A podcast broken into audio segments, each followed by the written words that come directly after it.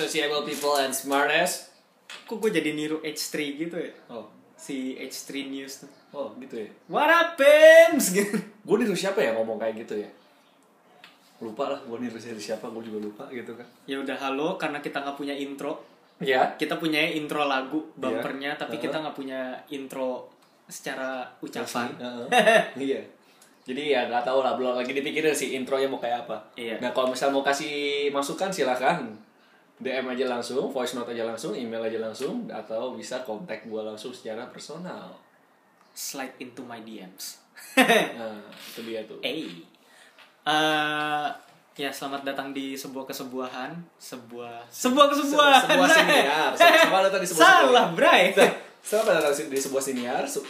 Sebuah siniar produksi sebuah kesebuahan anjing Nah. susah banget. Woi.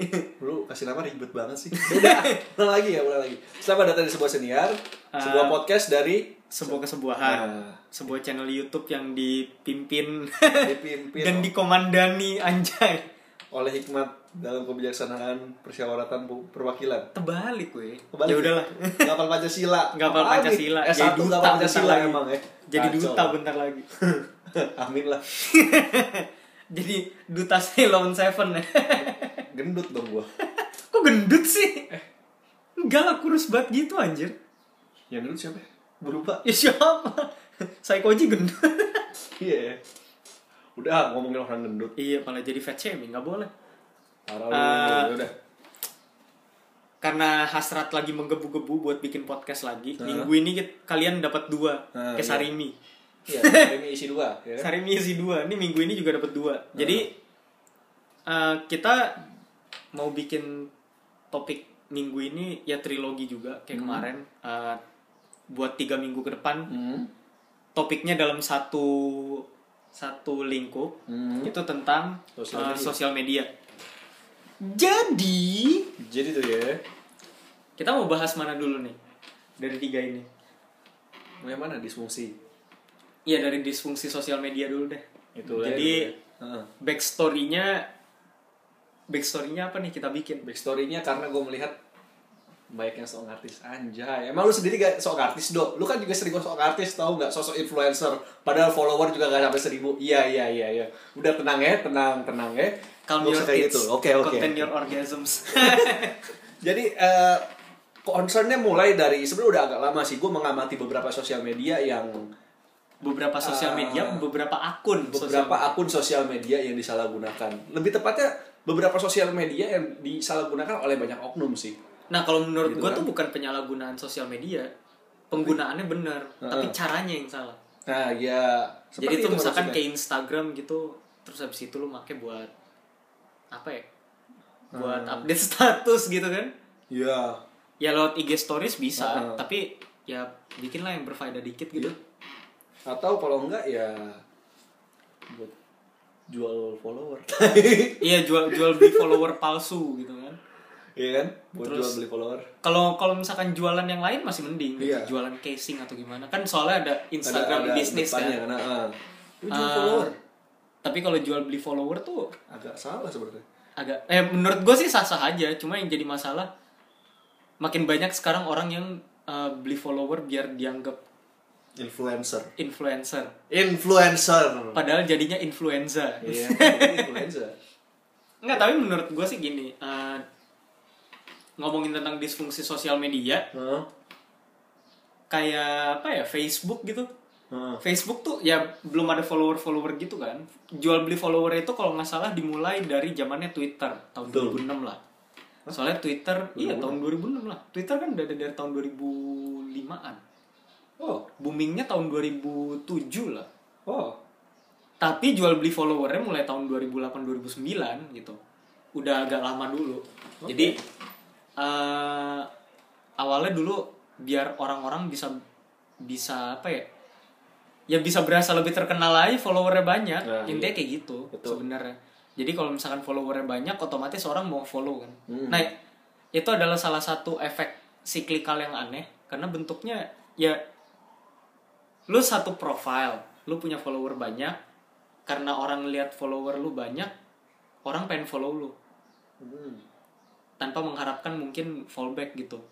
Dengan anggapan kalau orang ini terkenal pasti kata-katanya kayak berlian di dalam kubangan lumpur gitu kan. Ya padahal sebenarnya belum tentu gitu. Padahal sebenarnya belum tentu juga. Dia kayak misalkan ada yang ada yang apa ya? Ada yang ada yang ada yang gak meaningful juga kan? Kayak misalkan eh lu bikin cuma update status doang gitu. Kalau di Twitter kan emang ya update nya gitu-gitu doang kan kayak 140 karakter kan kalau Iya. dulu. Tahun 2018 saya nih jadi 280 gitu kan. Betul. Eh sebenarnya udah dari 2015 apa 16 gitu deh. Apaan? Jadi 280 kan enggak baru 2018 oh awal tahun baru ada. Awal 140 terus jadi berapa kalau nggak salah enggak, tetap 140. 140. Tapi seben- sebenarnya sempat jadi 160. Ah, Cuma itu cepet gitu. Si Jack Dorsey, CEO-nya Twitter nggak begitu suka. Oke. Dia ya dibiarin dulu lah karena ngerasa kalau pasarnya belum siap sama yang kayak gitu. Jadi segala fitur Twitter udah ada kecuali edit.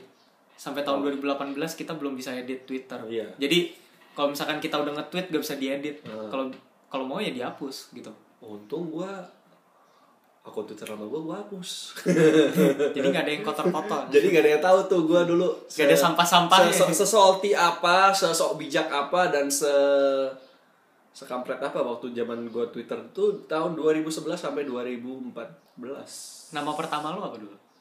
Aldo Raindra Aldo Rendra. Iya. Gue dulu Lil Hippie Boy. Terus sekarang ganti jadi Hacknock. Oh. Tapi udah udah ganti berapa kali dulu. Yang sekarang kayak udah permanen gitu. gue sempat bikin Twitter alter account anjir alter. Konotasinya udah negatif gitu ya? Eh, J- uh, role playing account ya. bukan bukan role account gitu. Jadi itu ada satu waktu itu karena gue dulu orangnya suka banget nyampah di sosial media gitu ya. Jadi kata-kataan apa pun yang kasar-kasar yang isinya buang sampah di sosial media nah itu gue bikin satu account. Dan gak ada yang follow Itu emang akun perasa- salty aja gitu. iya cuma konsulti aja dan gue udah lupa tuh masih ada nggak tuh gitu Tapi lo follow orang di situ? enggak Enggak juga. aku enggak juga Lah bener-bener cuma lu doang Iya. gitu sendirian. gue sama account gue yang asli gitu Ya kayak echo chamber doang ya berarti. Iya. ya? Kayak gitu gemak gitu. doang gitu udah. nggak bisa bilang alter account ya anjir lah Iya. alter loh Apa? negatif sekali. Nah itu kita ngomongin juga tadi soal yang gue bilang tadi alter.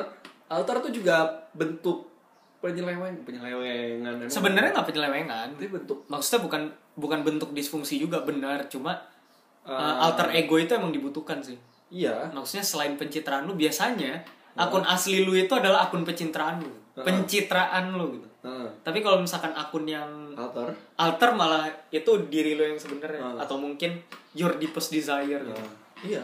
Yang contohnya kayak role play role play. Iya kayak misalkan nah sekarang sekarang tuh lagi rame uh, role play porno Korea Iya. padahal orang-orang Indonesia gitu Iya. dia nanti slides into the DM Yep. terus habis itu mulai dah tuh kan Iya. tapi uh, ada yang ada yang bisa real life juga misalkan Iya. kayak bagi line atau WhatsApp atau gimana terus habis itu ada juga yang enggak Yep. tapi I mean itu privacy sih Iya itu dan sebenarnya itu hak nggak lu, kan? disfungsi maksudnya itu gitu. bukan pengalihan fungsi pengalihan fungsi itu ketika lo eh apa ya ngomongin hal yang sifatnya privacy ke publik Nah, contoh kayak misalkan lo ya kalau misalkan lu bikin gitu fanpage tapi lu pendeta terus habis itu ngomongin lo agama gitu kan ya itu nggak masalah gitu Uh. atau lu jadi ustadz terus punya uh, Facebook page terus habis itu Facebook page-nya dipakai buat ngomongin agama itu nggak masalah gitu Hmm. nah yang jadi masalah sekarang itu kebanyakan orang-orang itu ngomongin politik Hmm. ngomongin agama Hmm. kalau ngomongin kalau ngomongin soal seks biasanya sih jatuhnya ke ranah pribadi sih Iya. maksudnya private message gitu-gitu Iya kan itu istilahnya ya lu udah sama-sama mau gitu. Heeh, Ya, itu selama- konsensual jadi. Selama sama-sama mau ya nggak apa-apa. Tapi kalau misalkan ada cowok tiba-tiba sending dick pic terus habis Ya, itu itu sih. merasa nggak nyaman ya itu nggak konsensual. Nggak nggak ada yang minta, nggak ada persetujuan juga. Iya. Itu lu Itu patut di report. Nah, Iya. itu adalah pen- eh, penyalahgunaan fungsinya ya. gitu. Nah, yang orang-orang yang ngomong politik, agama terus habis itu ngomongin seks di tempat umum kayak gitu, Heeh. ya kalau menurut gue sih udah udah udah ngaco gitu. Gimana, soalnya soalnya gini kalau misalkan lu ngomongin politik di ranah grupnya politik Hmm. dan emang teman-teman lu orang politik juga itu nggak masalah maksudnya sesuai sama ranah lu juga kan gitu Hmm.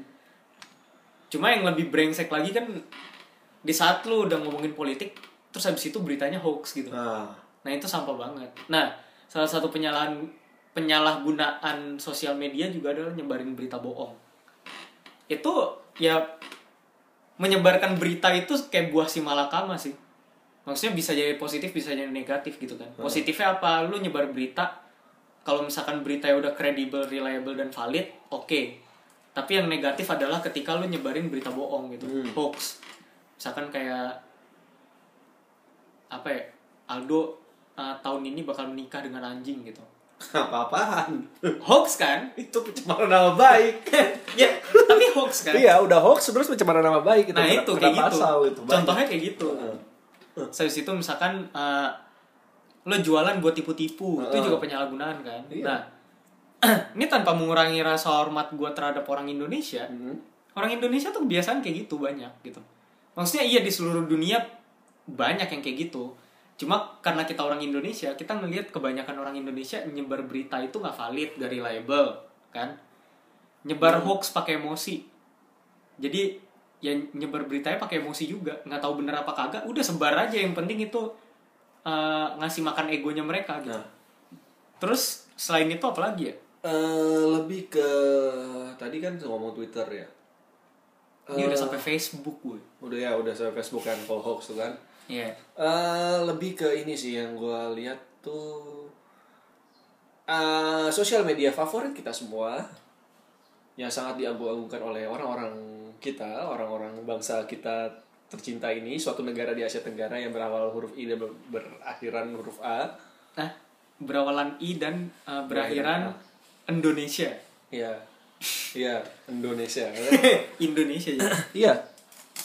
Jadi eh, kalau kita lihat di Instagram udah sebut aja lah ya. Instagram. Dia di Instagram itu mulai banyak banget. Mulai banyak banget. Ya, mulai banyak banget hal-hal yang sebenarnya nggak perlu lu pamer di Instagram gitu. Tapi emang ya itu nyambung sama episode selanjutnya Nah. uh, ilusi sosialita salah sosialita, satunya gitu. Uh, jadi itu sebenarnya kalau menurut gue Instagram itu adalah media pencitraan paling baik. Kenapa? Karena pertama itu foto, kedua ada captionnya, Heeh. Ketiga lu bisa slide into others DMs gitu. Dan orang-orang terkenal pun kayak gitu gitu. I mean ya kadang gini, lu kalau ngelihat selebgram bisa aja selebgram tuh baru banget, Hmm. baru satu bulan gitu. Terus dia beli followers Udah misalkan kayak puluhan 100 ribu. puluhan ribu gitu kan. Heeh. Terus habis itu ya udah dia dapat status selebgram di situ. Iya, Tapi nggak tahu asli apa palsu followernya kan. Ya. Ada yang asli, ada yang palsu mungkin gitu kan. betul. Atau ada juga yang emang nge-follow tapi followernya emang palsu aja. Kayak misalkan kita kan sempet ngalamin kasus tuh. Nggak kasus sih. Cuma kan beberapa follower kita yang sering kita keluhkan pas kita ngobrol, Dok. Itu kan follower yang nama, titik nama, eh nama depan, titik nama belakang, nomor kan. Hmm.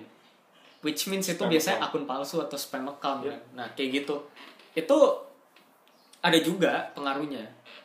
Dan kalau menurut gue jual beli follower itu gak baik lah gitu. Mungkin lu ngapain sih ngebohongin orang Iya. gitu? Pencitra buat pencitraan doang lu rela ngebohongin orang gitu. BPJS anjir. Apa tuh? Ya itu bokeh permanen jiwa sosialita gitu. Anjay. Nggak ini nggak ngatain BPJS buat pemerintah ya beda beda cerita. Heeh. Jadi ini singkatannya beda aja gitu. Oke. Soalnya kalau menurut gue banyak orang yang kayak gitu ya itu buat episode depan ilusi sosialita tapi kita yang ngebahas ngebahas kerak-keraknya dulu lah. Heeh. Sama gue lihat lebih ke masih seputar tadi ya beli follower atau apa. Ya orang kan biasa lihat tuh gila follower dia 100 ribu, Ih, gila follower dia 3 juta. Tapi kan nggak tahu gitu dia itu kualitas followernya seberapa. Ya boro-boro kualitas follower ya kualitas fotonya apa? Iya. Kadang kan suka gini ya kalau misalkan cewek ini bukan bermaksud misoginis ya. Heeh. Memang bukan bermaksud bermaksud seksis juga, cuma eh, banyak beberapa beberapa kasus yang gue lihat gitu, Eh, cewek-cewek yang pakai badannya buat Banyak. ini buat buat posting di Instagram jadi dapat follower, ada yang kayak gitu. Udah make badannya. Istilahnya kayak misalkan pakai pakai bikini gitu. I mean itu hak dia, cuma Heeh. eh, ada juga kan kelihatan banget gitu maksudnya yang yang emang yang dia- emang yang emang pengen pengen foto kayak gitu Heeh. dan ada juga yang emang pengen pansos aja gitu Iya. kelihatan banget dan lagi juga gini sih eh, udah pamer badan begitu pakainya pakai ayat-ayat kitab suci nah, maksud lu gimana gitu nah itu gue nggak ikutan kalau itu maksud lu soalnya emang gitu? emang ada ada ada maksudnya maksudnya gimana gitu tapi aja. bukan cewek doang gitu cowok Iya, juga juga. kayak misalkan eh, ada kan influencer yang pamer body pamer Hmm. otot gitu kan ada juga yang kayak gitu Iya. cuma eh, kebanyakan kasus ini ke cewek gitu dan Udah- bukan nyalahin salah satu gender cuma eh, Hmm. emang kasus ini emang lebih banyak ke sana gitu lebih banyak ke cewek kasusnya kalau ke cowok biasanya mamer mamer yang sesuai Hmm, hobi misalkan kayak Gila. sepatu Iya kan. atau mobil gitu-gitu kan atau pamer kata-kata motivasi anjay lu Nah itu it- itu juga it- kalau itu nggak terbatas sama gender gitu. Iya. Tapi kalau misalkan eh, hal-hal kayak gini biasanya ya banyak. pamer-pamer kata-kata motivasi banyak lagi udah macam. gitu udah gitu ya. Kata-kata motivasinya itu yang udah diputar balikan sedemikian rupa. Kayak contohnya ya ini yang paling sering gua ngeliat adalah yang cerita soal Jack Ma. Jack Ma ngomong monyet lu kasih pisang sama lu kasih duit. Dia pasti lebih milih pisang. Ah, karena monyet gak tahu harganya duit seberapa. Terus eh, lanjutannya biasanya ini biasa di komunitas-komunitas entrepreneur entrepreneur. Yang ngakunya entrepreneur ya. Yang ngakunya entrepreneur. Gue nggak bilang entrepreneur semua entrepreneur enggak. Tapi gue bilang yang ngakunya entrepreneur padahal bisa jadi scam bisa jadi itu penuh tipu-tipu daya gitu kan. lo nyebut merek. Ya dia dia lanjutannya adalah sama kayak manusia. Manusia cenderung lebih di di, di apa? Di eh, suka kalau dikasih kerjaan bukan dikasih eh, peluang bisnis. Padahal ngerti gak sih analoginya pisang sama duit? Usaha apa pekerjaan tetap sama bisnis. Nyambungnya di mana gitu? Ya Gak tahu, mungkin gak, gak, gak bisa relate sih gue nyambungnya di mana? Padahal sebenarnya Jack Ma nggak ngomong kayak gitu. Yang Jack Ma ngomongin adalah kalau nggak salah ya ini kalau nggak salah sekali lagi kalau misalnya lu tahu silakan. Jack Ma ngomongin soal ya itu bedanya monyet sama manusia monyet cuma tahu makanan monyet cuma tahu hidup dia hari ini aja. Tapi kalau manusia kan dikasih duit du- bi- bisa dibuat investasi bisa dibuat bikin bisnis bisa dibuat beli apa beli apa yang untuk las- lasting hidupnya. Kalau nggak salah tuh sebenarnya yang Jack Ma katakan seperti itu tapi banyak banget yang disalahgunakan jadi kerja konvensional sama bisnis gitu. Terus habis itu kayak MLM, MLM gitu biasanya. Nah, gua gua gak bilang MLM, MLM jelek ya, MLM yang bagus juga banyak, tapi Cuma kalau banyak Ketahuan gak sih skema ponzi gitu gitu? Iya, Pyramid, skema ponzi itu kan kelihatan banget sebenarnya kan gayanya. Iya yang Kayak apa ya? Kalau menurut gue sih ya Heeh, Ini tanpa nyebut merek tapi lu pasti udah tahu. Heeh, Eh, ada salah satu MLM yang menggebu-gebu gitu. Heeh. misalkan ngomong kayak dahsyat gitu Nah. terus habis itu eh, apa luar biasa yes yes yes gitu kan Itu kayak semua MLM juga pakai itu. iya iya maksudnya udah, udah umum maksudnya gitu kalau kan. misalkan skema ponzi tuh Heeh. umumnya kayak gitu generally kayak gitu Heeh. jadi eh, apa lu tuh bisnisnya kelihatan gitu loh makin semangat lu kayaknya bisnisnya tuh makin jelek sebenarnya sedangkan makin makin apa ya makin under the cover tuh malah makin bagus kayak misalkan Intinya- apa ya kayak misalkan kayak MW gitu Heeh. Kalau misalkan nyebut merek kayak MW Herbalife tuh enggak Dance juga. eh, enggak sih Herbalife sih bacot juga sih Tapi tapi Cuma gini maksudnya yang paling under the hood sih MW sih. Heeh. Makanya biasa aja gitu, nggak nggak ada promosi yang menggebu-gebu atau gimana. maksudnya gini sih kalau lebih ke kalau misalnya lu tanya orangnya ditanya ini bisnisnya dari mana kita dapat revenue dari mana gimana cara hasil pasif pasif income soalnya kan banyak bisnis bisnis ngasilin pasif income ya ini sekalian intermezzo sedikit biar bi- biar kalian gak gampang ketipu kalau misalkan Biar lu nggak gampang ketipu di sosial Iya. media gitu. eh, atau ketemu temen lu yang prospek-prospek gitu ya. kalau misalkan dia jual barang ada produk yang dijual dan istilahnya lu jual otomatis lu dapet duit dong Ah, dan dia bisa ngejelasin ya nih lu dapat komisi sekian persen itu baru oke tapi kalau misalkan lu cari orang orang ini gabung bayar sekian juta lu dapat ininya itu udah mulai ngawur apa ya dapat benefit. Dapat habis itu nanti dari downline gitu kan. Eh, Biasanya sistem-sistem downline yang ngaco gitu kan ada. sebenarnya kalau downline-nya dia jual barang sih nggak apa-apa tapi kan kalau downline-nya cuman join downline-nya juga enggak nah join terus habis itu ngasih duit gitu. Nah. Join dengan duit pendaftaran terus habis itu lu dapet untung. dan biasanya duit pendaftaran nggak masuk akal kayak Iya, contohnya lu eh, mau 8 mau join juta, 880 ribu. nah gitu 10 juta padahal produknya Paling yang- harganya 800 ribu paling mahal gitu. kalau itu tuh biasa itu udah masuk skema ponzi. Tapi kalau misalkan iya nih eh, kalau lu dapat downline dan jual downline lu jual omsetnya 10 juta 30 persennya ke lu. Nah itu jelas.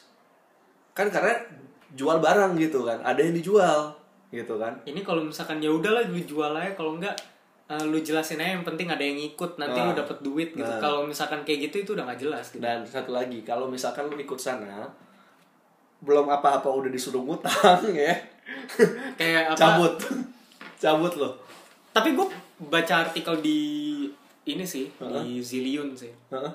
kalau lu pernah baca tuh kan ada kan si artikel itu dijelasin kalau kalau lu mau bikin usaha ngutang aja gitu kan Heeh. tapi maksudnya masuk akal sih kalau dari Ya. situ penjelasannya masuk masuk Kalau- akal soalnya eh, ketika lu yakin dan Heeh. tahu emang emang lu udah tahu eh, gambaran bisnisnya gimana dan Hmm. lu tahu marketnya ke mana pokoknya isi intinya jelas lah ngutang itu nggak jadi masalah yang jadi Maksudnya masalah tuh kalau di MLM Ngutangnya itu buat bansos. ngutangnya buat panjat sosial gitu. Iya. Jadi kalau lu ngutangnya iya nih. foto fotoan sama Ferrari gitu Iya kan? kan Misalkan ini gua gua sebulan jalan ini dapat Honda CBR padahal lu kredit. Untuk meyakinin calon prospek lu itu ini bisa nih bener ada duitnya padahal lu makan nasi kecap yang penting bisa beli motor ya kayak gitu tuh. terus habis itu biasanya kan kalau apa prospekin kayak gitu ada triknya tuh kan yang dikasih tahu sama si yoga tuh Hmm. Eh, jadi yoga itu temen kita anak luar terus habis itu ke Indonesia lulus Heeh. kerja dan dia eh, anak bisnis Heeh. jadi dia ngerti gitu lah anak finance gitu nah dia tuh pernah ngejelasin ke gue pokoknya tuh biasanya orang nge- orang kalau mau nge- ngeprospek Heeh. itu tuh eh, mereka bakal mereka bakal pinjem duit pinjem duit sama ya bosnya mungkin atau siapa nggak tahu pokoknya pinjem duit terus habis itu ngajak kita ke restoran mahal Heeh. out of nowhere mereka ngechat kita Heeh. Weh bre apa kabar? Gitu kan. Terus habis itu eh, lu kerja apa? Gini gini gini. Ah. Oh lu ayolah kita ketemu lah sekali sekali di sini sini sini. Terus restorannya restoran mahal gitu. Heeh. Terus habis itu lu nggak tahu nih. Wah bre gue nggak punya duit. Oh udah tenang aja gue traktir. Kan gue yang ngajak gitu misalkan ya. Terus habis itu pas di restoran mahal itu dulu di prospek. Nah biasanya tuh udah jelas tuh.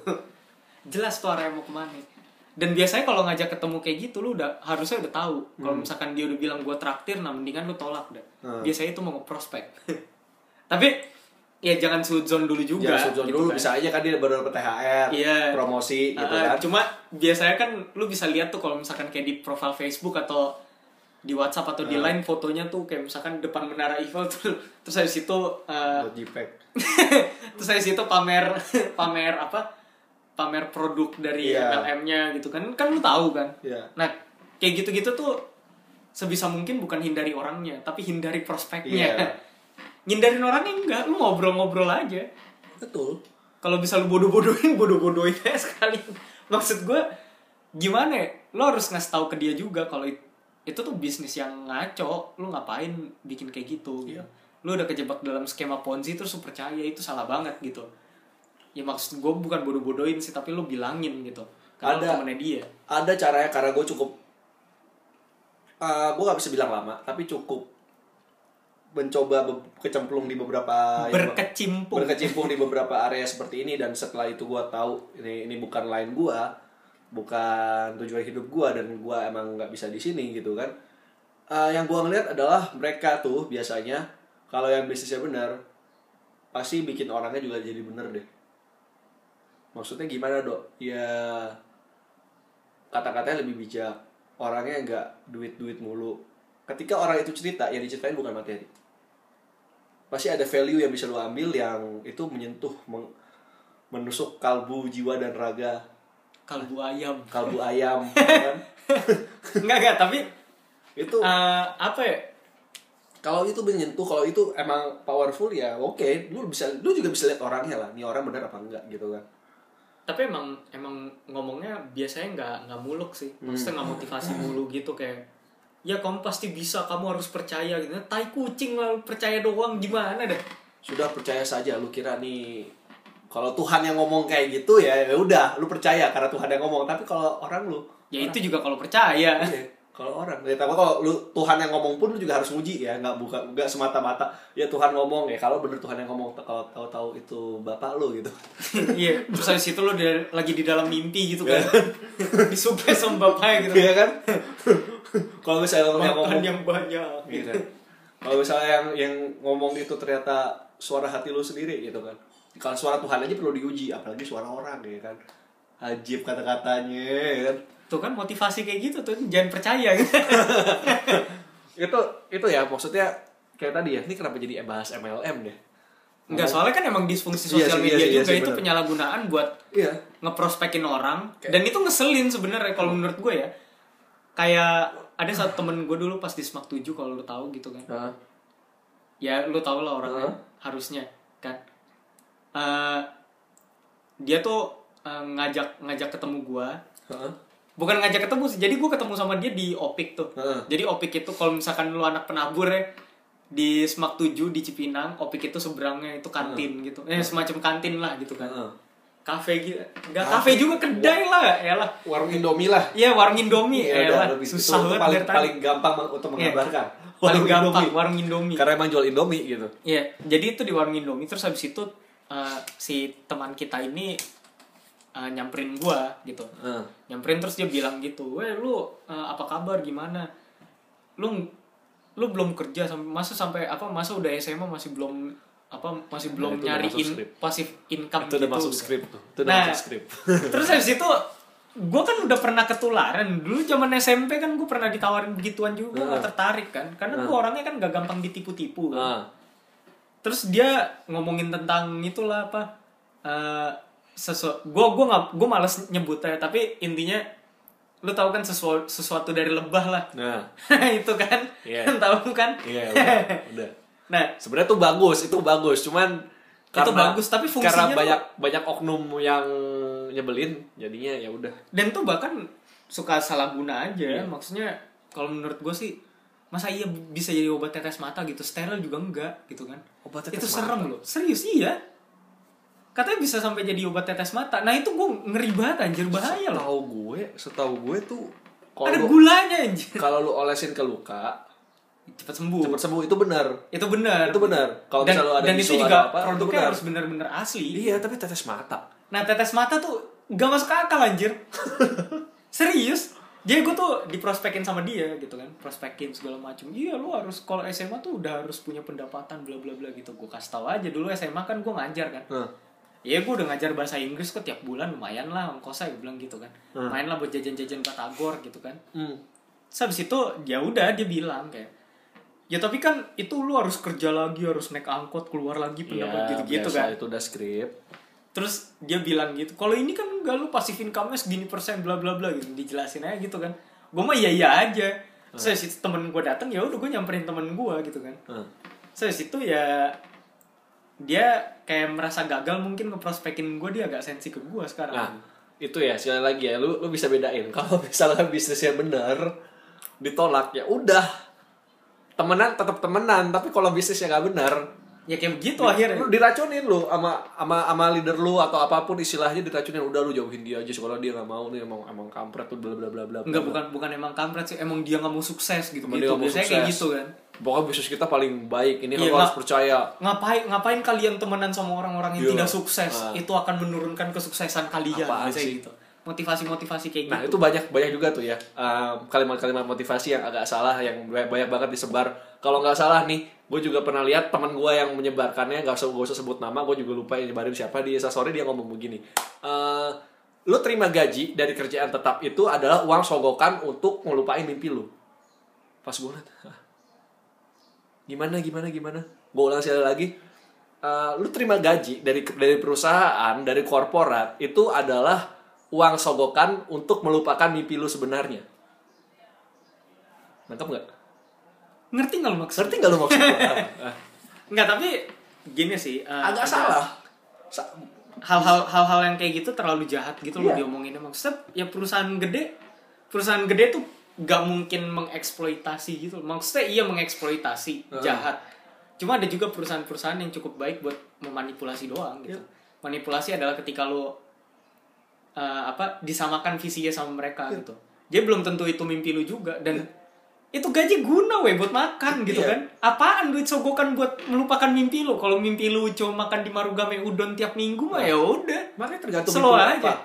Pertama itu tergantung mimpi lu apa. Tapi kan juga bisa untuk membangun mimpi lu dengan duitnya itu. Kan misalnya gue pengen Iya. gue mimpi pengen apa? Pengen menikah di Pulau Dewata gitu kan. Ya atau di pulau apa ya? Di pulau Pulau Weh gitu Pulau misalkan Weh, di Pulau. Sabang. Ya kan? Lu silakan. Itu kan nabung, kerja. Lembur bagai kuda kan. Astagfirullah. Lu kerja lu dapat gaji, lu tabung, lu bisa dong untuk nikah gitu kan. Iya. Nggak, ya tergantung mimpi lu apa gitu. Kalau mimpi lu emang nggak mau kerja di korporat, ya pertanyaannya ya kenapa ngelamar di korporat?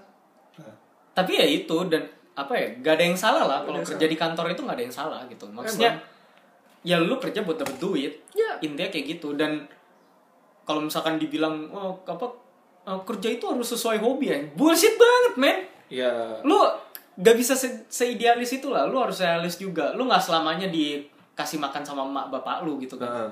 Ya lu harus cari duit sendiri gimana caranya ya? Lu harus mengorbankan diri lu buat sesuatu yang lebih baik intinya Hmm. gitu. Ya caranya dengan apa ya? Lu kerja. Nah, biarpun lu nggak suka kerjain aja dulu. Nah. nanti kalau misalkan duit lu udah kekumpul buat membangun sesuatu yang lebih baik lagi nah, membangun skema-skema yang lebih bagus Hmm. lagi ya udah baru lu keluar gitu kan. Nah, iya jadi maksudnya juga lu kerja di kerja di perusahaan apa? Kalau misalkan lu anti sama rokok, nggak suka ya jangan di kerja kerja di kerja perusahaan rokok Iya. gitu aja. Kalau misalkan lu anti sama perusahaan otomotif gitu Nah. misalkan eh ya nih perusahaan otomotif eh, Bikin- produksi mobil terus bikin jadi macet Jakarta ya. Eh, eh, kalau nggak bikin polusi gitu ya Nah. jangan kerja di Jangan situ nggak apa-apa nggak apa-apa nggak ada yang maksa gitu loh dan emang perusahaan kan ya minta lu buat kerja gitu. iya Tapi bukan berarti mereka memaksa lu. Kalau misalkan lu dipanggil, makanya kan dikasih pilihan. Heeh. Lu mau terima panggilannya apa enggak? nah itu Gitu aja. Gitu kayak jadi maksud gue ya ya jangan gampang generalisasi eh, quote-quote seperti itu ya apalagi ya quote-quote yang tiba-tiba ditaruh itu kata-katanya siapa padahal diselewengkan Kayak misalkan eh, orang nggak bakal eh eh, hal-hal yang sulit dipercaya adalah ketika eh, orang ngambil quote dari internet terus habis itu diganti sumbernya gitu kan. hmm. Atau dikasih sumbernya orang terkenal. nah, Itu quote-nya Abraham Lincoln. loh. bodoh amat eh, tapi beneran ada meme-nya gitu. Maksudnya iya lu bisa segam lu bisa Iya, segampang itu ditipu gitu kan. itu makanya kayak ya gak, gak segitunya istilahnya ketika uh, orang tokoh besar tokoh agama pembisnis atau siapa pun itu ngeluarin suatu quote lu mesti lihat itu dia ngomong pas kapan Konteksnya apa? konteksnya apa Topiknya apa? topiknya apa jadi jangan main sepotong-sepotong aja nah itu juga tuh media sekarang tuh banyak banget yang kayak gitu tuh Dan itu disebar di sosial media. Nah, itu bridging buat disfungsi sosial media yang selanjutnya gitu kan. iya Clickbait gitu-gitu. Iya kan? Nah, gue mau promo ah selfless eh shameless promotion tai selfless promotion. Gue bikin artikel tentang clickbait juga gitu di Medium ada. Heeh. Uh, dicek link in description Iya. nanti. Jadi intinya gue ngejelasin tentang secara psikologis kenapa clickbait itu ada Hmm. gitu. Dulu sebelum ada sebuah siniar ini gue pernah punya podcast juga. Cuma gue hapus endingnya setelah empat episode karena gue nggak pede gitu kan. Heeh.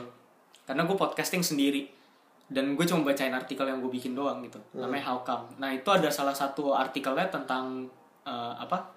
Tentang clickbait. Kenapa clickbait itu bisa ada? Nah Hmm. sebenarnya kalau menurut gue ya itu dimulai dari detik.com. It- di Twitter dia tuh salah satu situs berita yang paling gencar ngupdatein tiap detik Heeh. makanya namanya detik.com kali ya Heeh.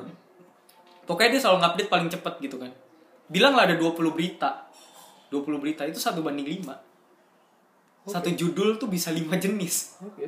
Memang Isinya satu, satu berita tuh 5, 5 jenis judul Isinya sama padahal. isinya sama Hmm. maksudnya linknya bisa sama-sama aja gitu kan nah Mencengangkan gitu kan. iya kayak gitu-gitu Ini yang di, di, di- apa ini yang dilakukan oleh situs berita untuk memper- memperoleh keuntungan. Nomor 5 akan membuat kamu menggelinjang jang. dan kelojotan gitu. Makan Enggak. Gue gue bukan ngatain detik.com atau gimana. Heeh. Itu media promosinya mereka dan sampai sekarang berhasil gitu kan. Gue nggak ngejelekin mereka. Itu kalau ya kalau misalkan sukses ya bagus gitu. Heeh. tapi eh clickbait tuh emang udah dimulai udah lama gitu kan. Awalnya kan dari bahasa-bahasa periklanan kan. Sekarang jadi bahasa berita gitu. Jadi cara cara promosi yang paling efektif gitu. Dan buat orang-orang yang nggak ngecek dulu kebenarannya ya udah kejebak. Biasanya kayak gitu dan begitu terus jadinya. Iya, contohnya minum limun ini, Anda maka Anda tidak akan capek lagi dalam ejaan lama gitu kan. oh itu ya, apa tuh Eh, Apa sih gue lupa. yang iklan yang iklan zaman dulu itu kan Iya, yang limun-limun itu Heeh. membuat anda meninju kencang Iya. Pukulan pu- pukulan ja pasti ken- pasti kena ya. Iya, kayak gitu-gitu mak ya maksudnya itu kalimat yang efektif Iya. buat advertisement tapi bukan berarti cuma buat menggencarkan satu web atau Nah, apa ya satu ak- akun Instagram atau Facebook atau Twitter lu terus habis itu lu bikin clickbait gitu nggak nggak kayak gitu itu sama kayak lu panjat sosial dengan cara beli follower. jangan nggak beli follower juga ini nyambungnya sama clickbait Oh. misalkan kayak lu punya depresi padahal lu nggak punya gitu kan nah yang kayak gitu-gitu itu nyambung ke tentang uh, trilogi kesehatan jiwa kemarin yang Nah. kita bilang kalau orang-orang yang pansos tuh kelihatan banget gitu. Orang-orang yang panjat sosial tuh kelihatan banget kalau mereka menyalahgunakan term-term psikologi yang ada gitu kan. Dan term-term psikologi yang ada itu kadang malah berakibat buruk karena itu bikin lu jadi tersugesti akhirnya jadi beneran kejadian. Nah, nah itu yang jadi masalah gitu. Nah itu salah satu penyalahgunaan fungsinya sosial media juga yep. buat panjat sosial which is sebenarnya nggak masalah lu mau panjat sosial tapi jangan bikin drama atau jangan bikin diri lu tuh terasa seperti tidak ada harganya gitu kan Hmm. Betul. memang memang ada yang orang-orang yang suicidal thoughts terus habis itu mereka share gitu kan Iya. mereka curhat atau gimana tapi kelihatan lah kalau orang mau bunuh diri sama orang yang nggak pengen bunuh diri tapi Kayak contohnya ya, Ya, panjat sosial aja Ngomong gitu. soal Ada. bunuh diri kan minggu lalu atau beberapa ya minggu lalu kan ada satu timnas yang kalah telak dan di timnas itu tuh punya dewanya mereka lah. Dan fansnya ada yang bunuh diri. Siapa ya? Ada di, di Indonesia. Lompat Oh, di dari- Indonesia? lompat dari jembatan. Anjir. Nah itu gue nggak tahu ya. Gue nggak tahu tuh kenapa dia bisa bunuh diri. Padahal timnya juga ujung-ujungnya lolos. Jangan-jangan itu trigger doang gitu. Jangan-jangan itu trigger doang. Iya. Ngo- eh, misalnya dia mengidolakan satu pemain bola itu. Jangan langsung ngejudge kok goblok banget sih? Dasar emang fansnya pemain bola A kan emang tolol-tolol kan enggak. Nggak kayak gitu. Tapi bisa jadi itu trigger. Jadi sebenarnya masalahnya udah banyak banget Heeh. terus ditambah lagi tim kesayangannya kalah. Sebenarnya ya itu triggernya kacangan. Cuma Iya. kalau menurut lu itu kacangan dan bikin dia stres itu berarti bukan kacangan gitu. Itu berarti st- stress build up-nya udah gede banget. Nah. jadi ya udah dia pengen bunuh diri. Nah itu loh. Jadi jangan langsung dihakimi itu ya. Ini intermezzo aja sedikit ya, gitu. tapi itu salah satu penyalahgunaan sosial media sih ngeritik orang nyinyir gitu itu Nah. disfungsi juga gitu Eh, kayak misalkan apa ya akun selebritis gitu kan Nah. terus habis itu eh, ada kayak tadi pagi gue ngeliat kalau nggak salah Gading Martin sama Gisel Nah. terus habis itu si Gisel ya lagi di pantai bray lagi di Itali Heeh. mereka lagi liburan terus yang komen tahu nggak apaan malu sekali anaknya nanti kalau ngeliat foto ini itu lagi karena pakai pakaian terbuka gitu. Itu lagi di pantai bray. Buset. Nah itu tuh contoh-contoh kayak gitu itu harus. iya itu salah satu contoh dari disfungsi sosial media. Lu menyebarkan berita-berita yang eh menyebarkan komentar-komentar yang negatif yang menjatuhkan orang lain gitu atau nyinyir gitu. Itu salah satu penyalahgunaan juga gitu. sebenarnya sebenarnya kalau nyinyir kan nggak apa-apa tapi asal pada pada tempatnya dan datanya harus jelas.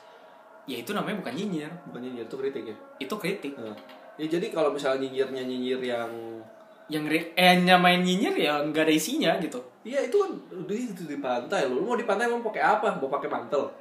ya kan nggak mungkin juga gitu panas bray Menurut lu gitu kan? maksudnya ya, ya itu hak mereka juga gak sih Iya. mereka mau pakai apa gitu di di tempat yang sesuai kok Iya. Terus habis itu dibilang kayak malu sekali anaknya melihat foto ini karena mereka Yang harus malu tuh yang komen. pakai baju terbuka gitu ya yang ma- yang harusnya ma iya yang harusnya malu tuh Ya, harusnya yang komen gitu Karena ya udah. kenapa harusnya anaknya malu ngeliat emaknya gitu kan misalkan ngeliat emaknya komen kayak gitu kayak Nah, anaknya tuh ngeliat anjir sampai di sampai disebar banget di acara gosip bikin malu lu mak gitu kan iya. maksudnya ya itu komentar yang nggak berisi impactnya jelek buat orang lain Hmm. dan itu bisa bikin let down gitu bisa bikin orang lain jadi sedih gitu Nah. nah di saat lu memberikan dampak yang negatif kepada orang lain ya di situ lu udah menyalahgunakan sosial media gitu itu yang bahaya Nah, sekali lagi juga nih, kalau kali Instagram kita coba merambah ke YouTube. Nah, tapi kalau YouTube ntar kita ngomongin di episode selanjutnya ya, lebih dalam. yang mana Ya bodoh itu nular.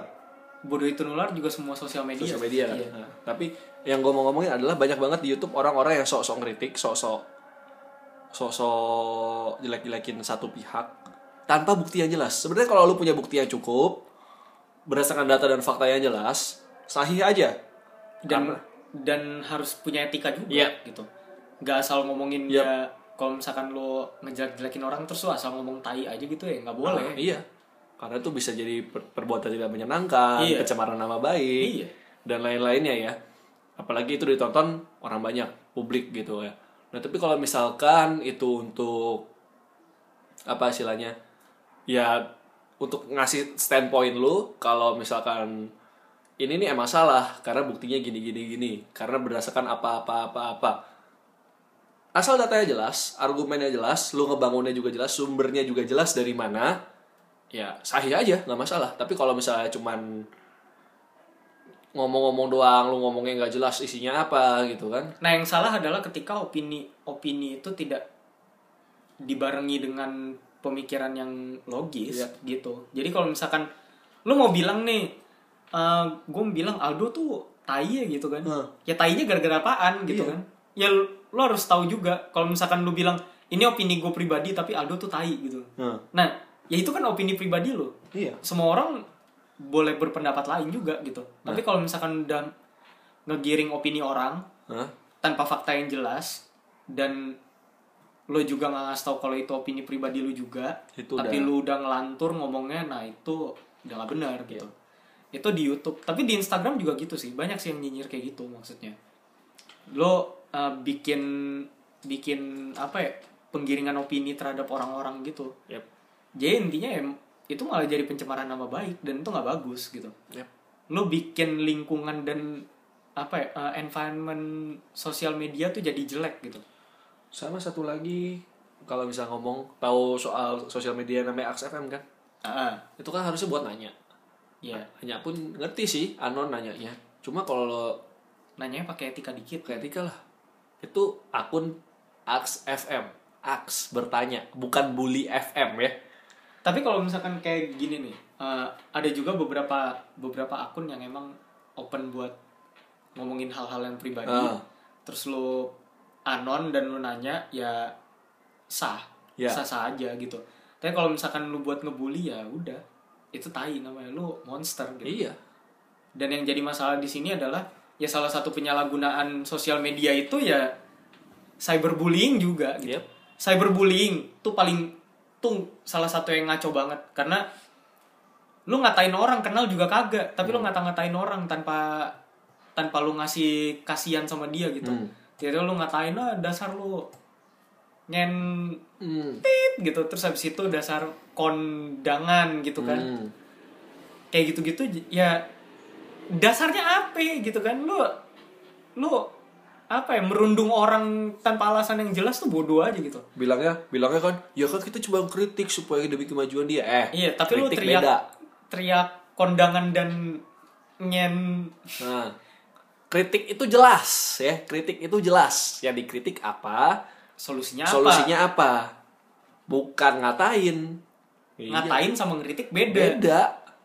Kalau ngeritik itu gue bilang kalau pada nah, lu tuh dengernya kurang. Ah. jadi tolong subscribe di sini gitu Iya. misalkan. Atau nih uh, gambarnya kurang bagus nih. Hmm. bisa ditambahin warna ini Ah. gitu. Itu kritik. Ini videonya kurang asik nih coba deh ditambahin lagi. Uh, uh. coba belajar edit lagi. Kalau ngatain gini. Ah. kalau ngatain tuh tiba-tiba videonya udah bagus kalau nggak videonya nggak bagus-bagus banget terus habis itu lu tiba-tiba komen gitu. Boy dasar bocah kontoru gitu kan. Nah, tiba-tiba gitu aja terus habis itu ngilang tuh brengsek namanya iya oh, kalau enggak ya lu kan masih kurang kurangnya di mana nggak tahu Nggak pokoknya tahu. Pokoknya masih kurang kurang aja. aja nah, tuh minta di ya, ya mendingan lu nggak usah ngomong dulu matanya minta ditesin wasabi gitu jangan lah Jangan. alkohol aja Lebih perih. Nggak, alkohol. itu pertama ya Ah. cyberbullying Ah. gitu. dari perpeloncoan media perundungan di media sosial itu Ah. salah satu cyberbullying kedua witch hunting Witch hunting tuh gimana tuh?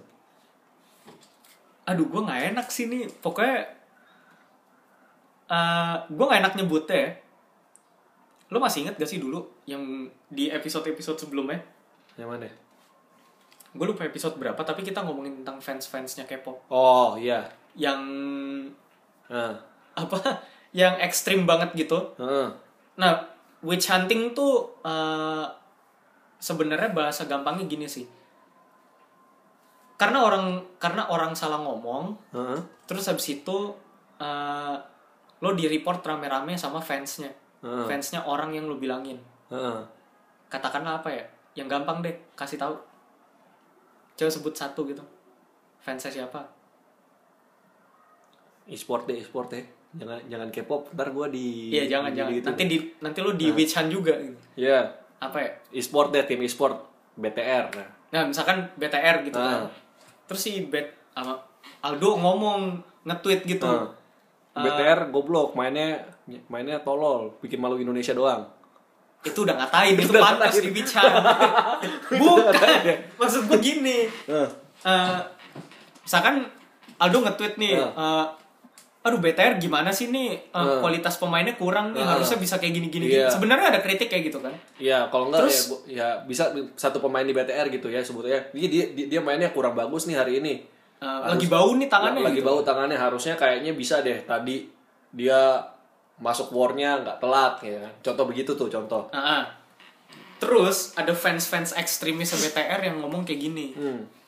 Gua lu ngapain ngeritik ini lu ngeritik tim e-sport kesukaan gua, Nah. lu baca tuh gitu-gitu kan. Nah. Dan nih, nah proses witch hunting adalah di saat fans ekstremis itu nge-report lu rame-rame.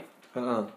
Udah, dapat kan? Heeh. Setelah nge-report lu rame-rame, otomatis kan akun lu ntar diblok kan? Heeh. Sama Twitter misalnya. Kalau lu di Twitter atau di Facebook juga kayak gitu kan. Heeh. Lu di-report rame-rame, ya lu kena blok gitu kan. Terus, setelah kena blok, info pribadi lu tuh bisa dicari. Nah, Nah, ini eh, awal dari doxing. apa tuh? Doxing adalah ketika lu didatengin ke rumah sama orang-orang yang kayak gitu, yang sifatnya persekutif. Jadi lu dipersekusi sama orang Heeh. karena alamat lu di internet bisa dicari, Hmm. ketahuan dan ya udah mereka datang ke lu terus habis itu lu pengen dihakimin aja gitu. Nah, itu namanya doxing. Ah. Tapi doxing tuh bisa macam-macam sih. Kayak kemarin kasusnya si Logan Paul. Hah? Kalau lu tahu Logan Paul yang di It's Everyday Bro, terus habis itu yang bikin video di Jepang yang tentang uh, gunung eh gunung Fuji yang bagiannya tem- tempatnya orang bunuh diri, terus direkam sama dia ada badan lagi gantung diri gitu. Nah, si Logan Paul itu uh, kemarin kena masalah juga sama Post Malone. Post Malone tuh rapper gitu. Hah?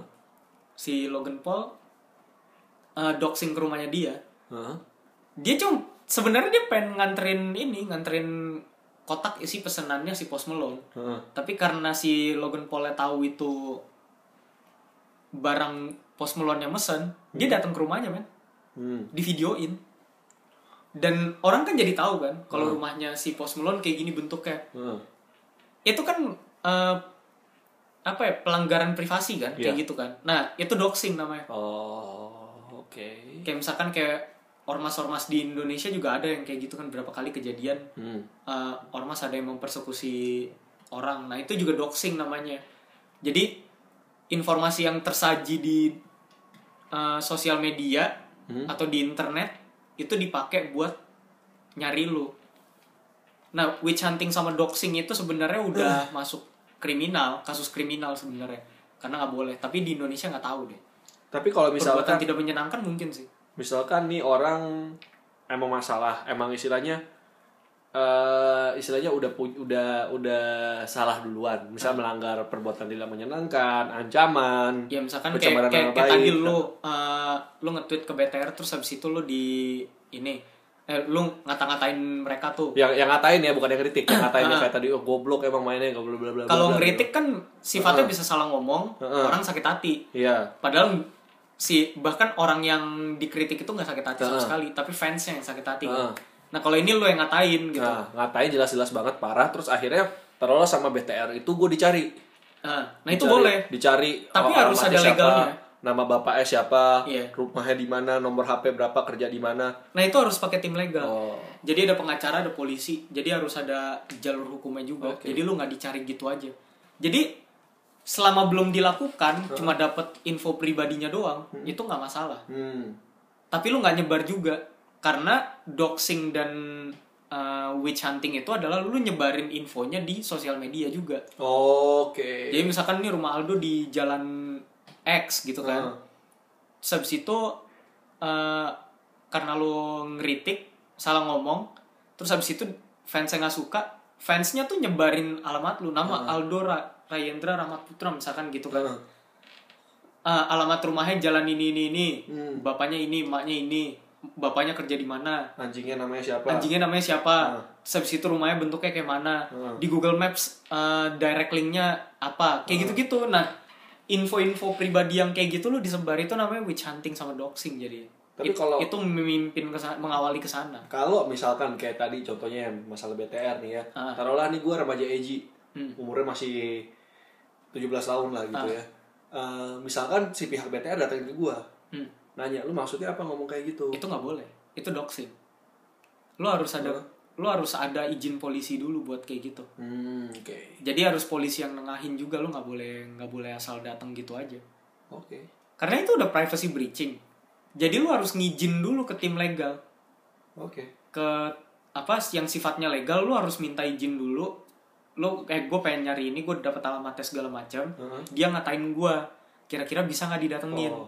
kalau didatengin bisa nggak bapak mediasi Ah, oke. intinya kayak gitu jadi, Jadi- caranya harus kayak gitu apalagi belum 17 tahun kan Ah. belum boleh kan Jadi kayak si salah satu youtuber Mika, Mikael Antoni dia pernah bukan pernah sering dapat kasus kayak gitu. Jadi remaja-remaja edgy itu remaja-remaja toksik karena dia ngeritik si Mika tuh kan sering ngeritik Mobile Legend. Tuh remaja-remaja nggak suka bikin artikel, bikin post tentang ini ini youtuber AV selalu menghujat Mobile Legend. Intinya jelek-jelekin si Mika. nah, Nah. yang yang jadi masalah di sini lu harus ngerti di saat Hmm. kita bilang dijelek-jelekin adalah sangat-sangat negatif Nah, iya. konteksnya sangat-sangat Iya. negatif dan itu udah nggak bisa diterima lah Nah, buat nah, dia Yang dilakukan si Mika kan biasanya adalah mendapatkan informasi pribadinya informasi- dia Ah, ah, misal IP-nya berapa, dilihat oh rumahnya di sini, alamatnya ini, Alamatnya ini. nama bapaknya nama emaknya nomor nomor teleponnya teleponnya sekian. Nah, terus eh, si Mika biasanya nggak langsung datengin, biasanya cuma langsung dia chat. Di chat di di email chat atau gimana? di email. Dengan ngomongan bisa kalau misalnya rem- ngasih remaja eh boleh nggak gue ketemu sama orang tua lu? Nah biasanya tuh mereka udah pada minta maaf. Duluan. Hmm. Nah, makanya tadi kan kalau nggak salah si kalau kalian tahu kasusnya, uh, jadi si Mika ini lagi berurusan sama satu orang, orangnya agak agak-agak sih menurut gua, nama-nama. Nggak usah sebut lah. pokoknya pemain salah satu game lah. Heeh. salah satu game MOBA terkenal di Indonesia juga. Dan emang emang pas gua lihat videonya emang ini orang murni ngatain doang. murni ngatain, nggak jelas yang di- ngomongin apa gitu, nggak jelas ngomonginnya apa, dikritiknya kritik apa, udah gitu sering salah ngomong juga, sering salah apa namanya? Eh, editingnya editingnya salah dan lagi juga itu kalau gue ngeliat ya alur berpikirnya pun juga masih kurang bener ya. Dan tadi kan disebut disebut di video ya Mika iya ini gue udah dapet alamatnya di sini. Hmm, nah kalau menurut lu itu gimana tadi? Itu nggak apa-apa. Nggak apa? Tapi ya si Mika kan juga bilang iya kan, dia udah dia udah minta izin sama dia udah tim minta izin legalnya sama polisi dan tim le- eh dia punya tim legal Heeh. dan udah sering berurusan ke polisi Heeh. berarti dia udah tahu Udah tahu caranya gimana. gitu kan. Heeh. nah beberapa orang kan ada yang ngomong juga kan asal main doxing dan Nah. juga kan nah itu yang jadi masalah ketika lo uh, dapet info pribadinya lo share di sosial media gitu Mm-mm. si di contoh ini si Michael Anthony ini nggak nyebarin sama sekali. Iya, nggak nyebarin. itu urusan pribadinya dia. Soalnya dia yang dikatain. Iya. Dan fans gak perlu tahu. Udah intinya urusannya nanti kelar. Udah Yep. gitu doang. Kenapa? Karena kalau misalkan disebarin itu udah melanggar. Iya. Itu udah privacy breaching kalau bahasa Inggrisnya kan. Itu Dan- trespassing. Ya Dan- udah langgar privasinya lah ya. iya. Dan fansnya pun bisa ngakses itu alamat buat dipakai mempersekusi ini orang gitu Hmm. which is itu bahaya banget Jadi jadi ya kalian tenang aja ya kalau misalkan misalkan nih ya kalian tuh punya istilahnya pernah berurusan dengan kriminal, punya aib di internet dan misalkan ada yang kayak mau menyebarkan, mau buka, misalkan kalian nanti suatu hari amin gitu jadi orang sukses, terus ada yang mau ngebuka masa lalu kalian nih dulu dia dulu begini, misalnya apalah kata-kata toksik atau mungkin chat-chat yang tidak berkenan gitu ya. Hmm. kalian diprotek tenang aja. Kalian bisa bilang itu udah lalu. Itu udah gue kelarin udah clear.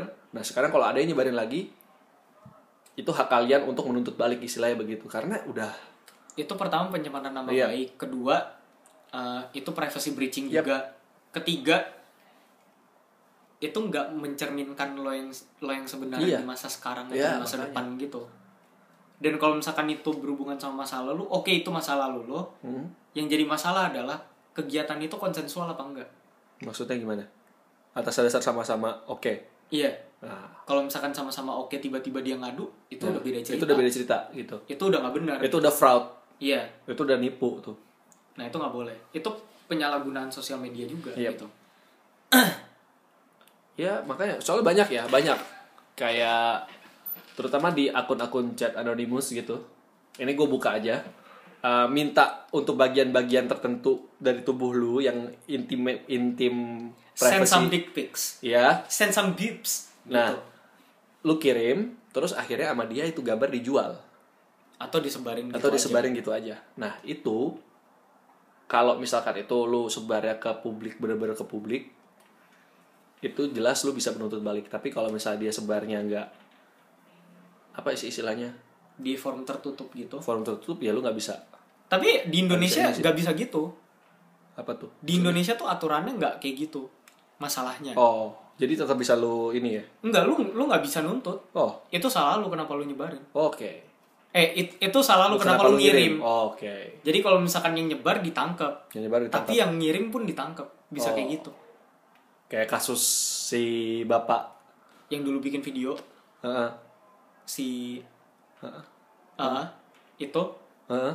itu kita nggak nggak sebut lah itu udah kasus lama Dia kasus lama. ya kan kayak gitu yang Ah. nyebarin kena tapi aktor dan aktrisnya kena juga Oh gitu iya iya.